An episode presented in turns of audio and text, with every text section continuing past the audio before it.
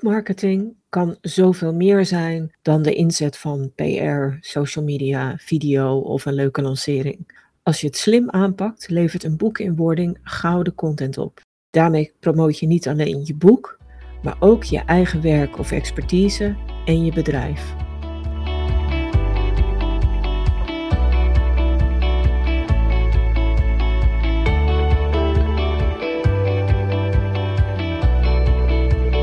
Schrijven van een non-fictie, een management of een businessboek of hoe je het ook wil nemen, heeft een aantal voordelen.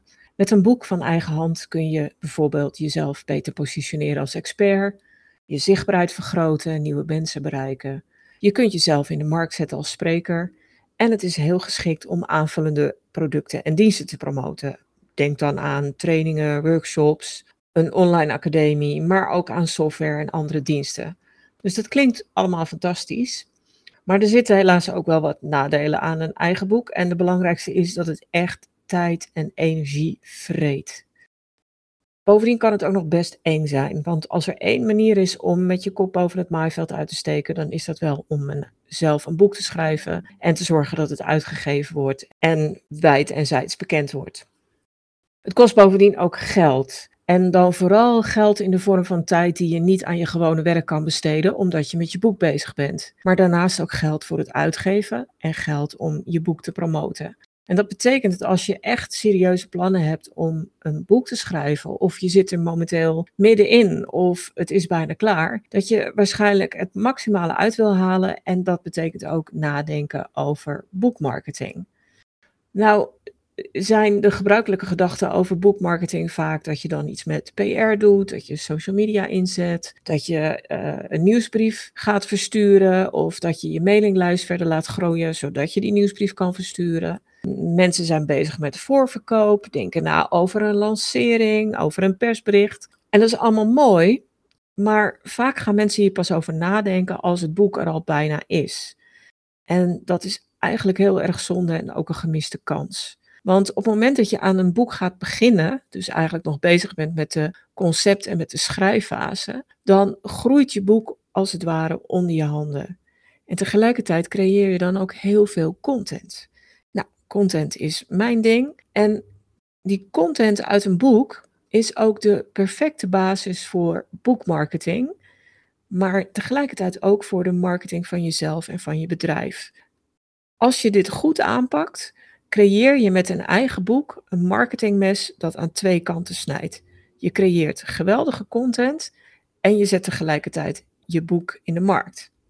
En als je erover nadenkt, is dat ook heel erg logisch. Want als je start met je boekconcept, dan ga je nadenken over de indeling en over de inhoudsopgave.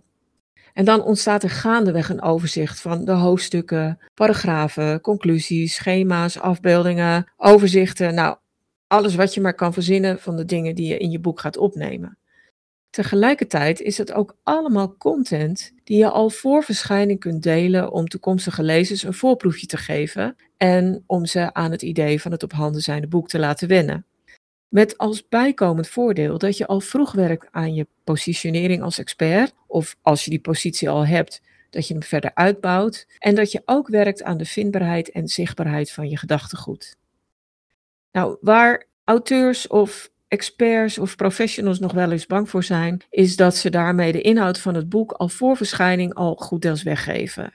Maar daar hoef je echt niet bang voor te zijn. Want voor boekenlezers gaat er niets boven een echt boek dat het hele verhaal bundelt en waar ze in kunnen bladeren of selectief onderdelen uit kunnen herlezen.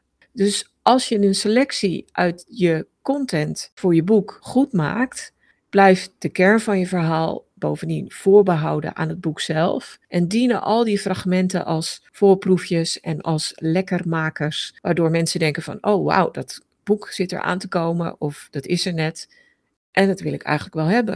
Ik wil gewoon eens verder, verder in die materie verdiepen. Hoe pak je dat dan aan? In feite zijn er dan vijf stappen die daarvoor nodig zijn. Stap 1 is dat je een contentplan formuleert. En dat klinkt veel zwaarder of lastiger dan het er eigenlijk is, want de benodigde strategie voor je contentplan heb je in principe al gerealiseerd. Het is namelijk de rode draad in je boek. Die rode draad werkt als een brug over een kloof of over een kenniskloof en leidt de lezer naar een plek aan de overkant waar het antwoord op een vraagstuk of een probleem gevonden kan worden. En als je een managementboek schrijft of als je bestaande managementboeken erbij pakt, dan zul je zien dat daarin deelvragen en deeloplossingen staan.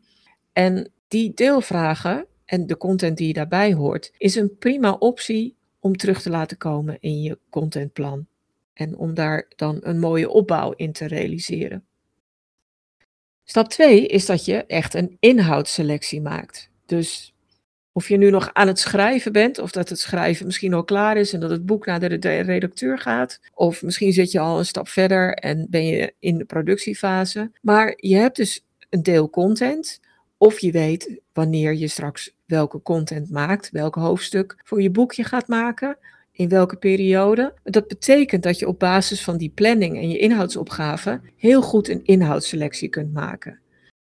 Je kunt een x aantal fragmenten of elementen uit je boek selecteren die laten zien wat mensen in het boek kunnen verwachten en die de nieuwsgierigheid prikkelen.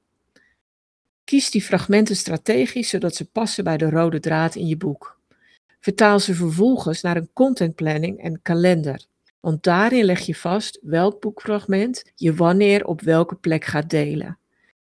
En beperk je dan niet tot tekstfragmenten alleen, maar kijk zeker ook naar dingen als definities, quotes, modellen, afbeeldingen en allerlei dingen die je voor je boek verzamelt. Want dat zijn ook allemaal hele leuke en soms heel beeldende dingen die je heel goed vooraf al met een wat groter publiek kunt delen. En die je niet voor jezelf hoeft te houden tot dat uiteindelijke kunstwerk dat je boek natuurlijk moet gaan worden.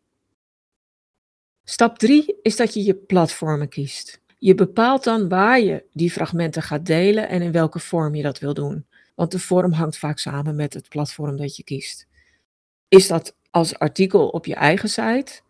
Ga je artikelen publiceren als gastblogs op allerlei verschillende sites? Ga je fragmenten delen in de vorm van video's? Of misschien wel als podcast? Dus artikelen, gastblogs, video's en podcasts zijn eigenlijk vier basismiddelen die je kunt kiezen als basiscontentplatform. Dan kun je vervolgens nog social media, nieuwsbrieven, e-mailmarketing en allerlei andere middelen ook bij inzetten om die basiscontent extra zichtbaar te maken. Maar vaak is het handig om één groot basisplatform te kiezen en te zeggen: daar richt ik me op. Dus ik richt me op een blog op mijn eigen website. Of ik richt me op een podcast die ik ga starten. Of ik richt me op een YouTube-kanaal.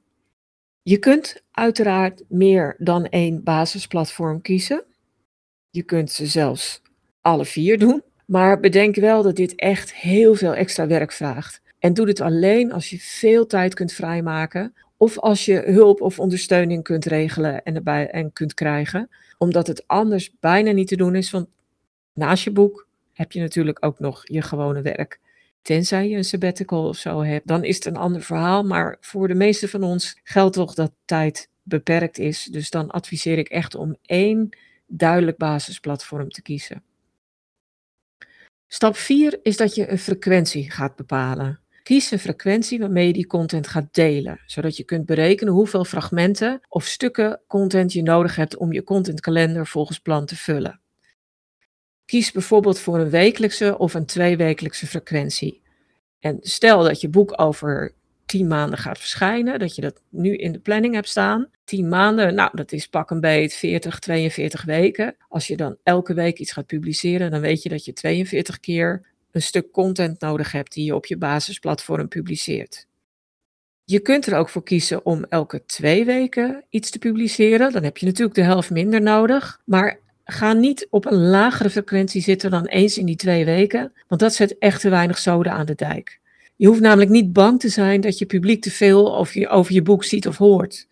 Dat is namelijk zelden het geval, omdat de content die je deelt op zich al heel veel waarde in zich heeft. En jij ziet of hoort of, of, leest wel alles. Jij zit er middenin. Maar dat is voor je publiek echt niet het geval. En die zullen maar een deel zien van wat je deelt. En dus heb je een behoorlijke frequentie nodig om impact te realiseren met die voorbereidende content. Stap 5 is dat je de content die je hebt en die je gekozen hebt voor die basisplatformen en je basisfrequentie, ook slim hergebruikt en herverpakt.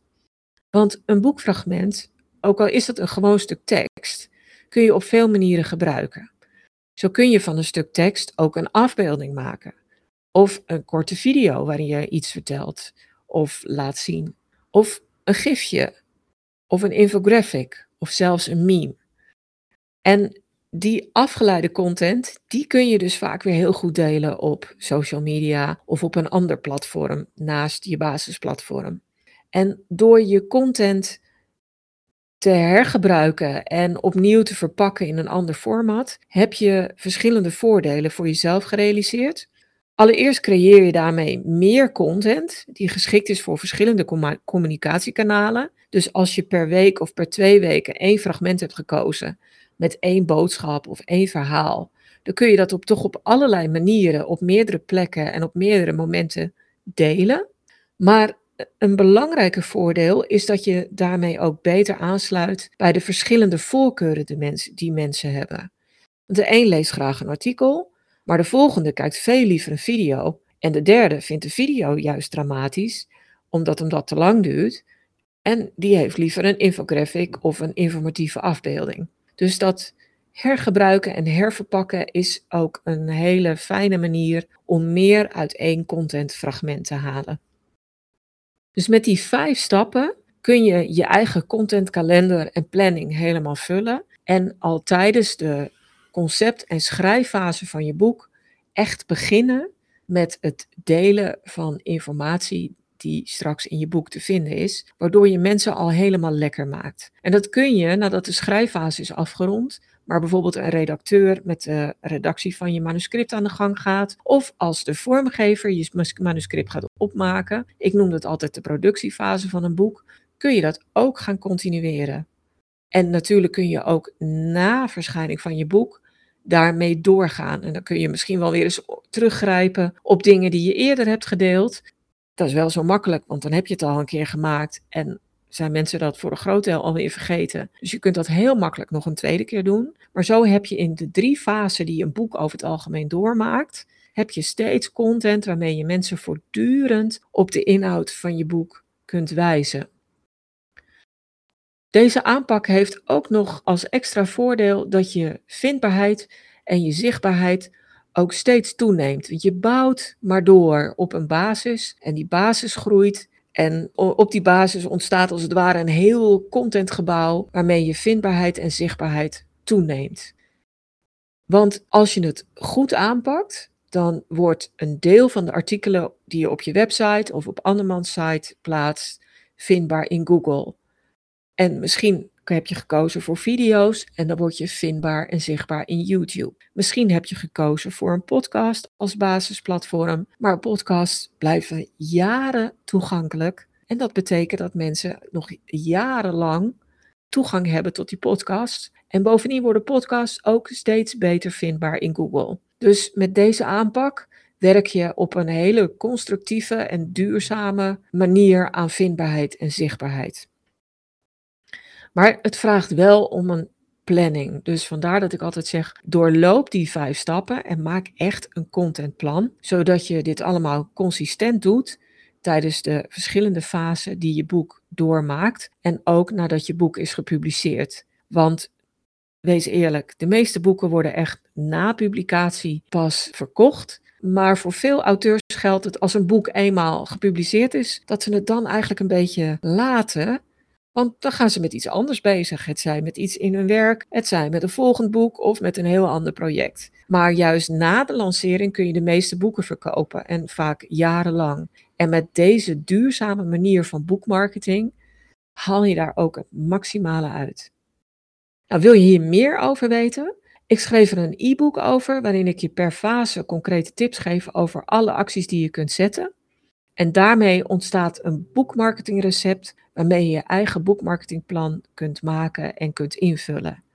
Heb je al een plan en wil je feedback? Dan zou je eventueel nog een quickscan voor je boekmarketingplan kunnen aanvragen, omdat je daarmee zeker weet dat je de juiste stappen zet en dat je geen dingen over het hoofd ziet. En de links hier naartoe vind je in de show notes. Wil je toch eerst nog iets meer weten over online vindbaarheid dankzij content, dan kun je eventueel nog luisteren naar aflevering 10 van de Content Divas podcast, want die gaat over vindbare content die kans maakt op een goede positie in Google. Dankjewel voor het luisteren. Voel je zeker vrij om deze aflevering van de Content Divas podcast met anderen te delen als je denkt dat dit van pas kan komen. En heb je zelf een handige tip of inzicht opgedaan met deze aflevering, dan hoop ik dat je een review wil achterlaten. Heb je nog meer vragen, zoek je meer informatie? Neem dan zeker een kijkje op de website. Die vind je op stroop.nl met dubbel S. En daar vind je natuurlijk ook die handige content kennisbank waar je allerlei gratis checklists, stappenplannen, handleidingen en nog veel meer kunt vinden.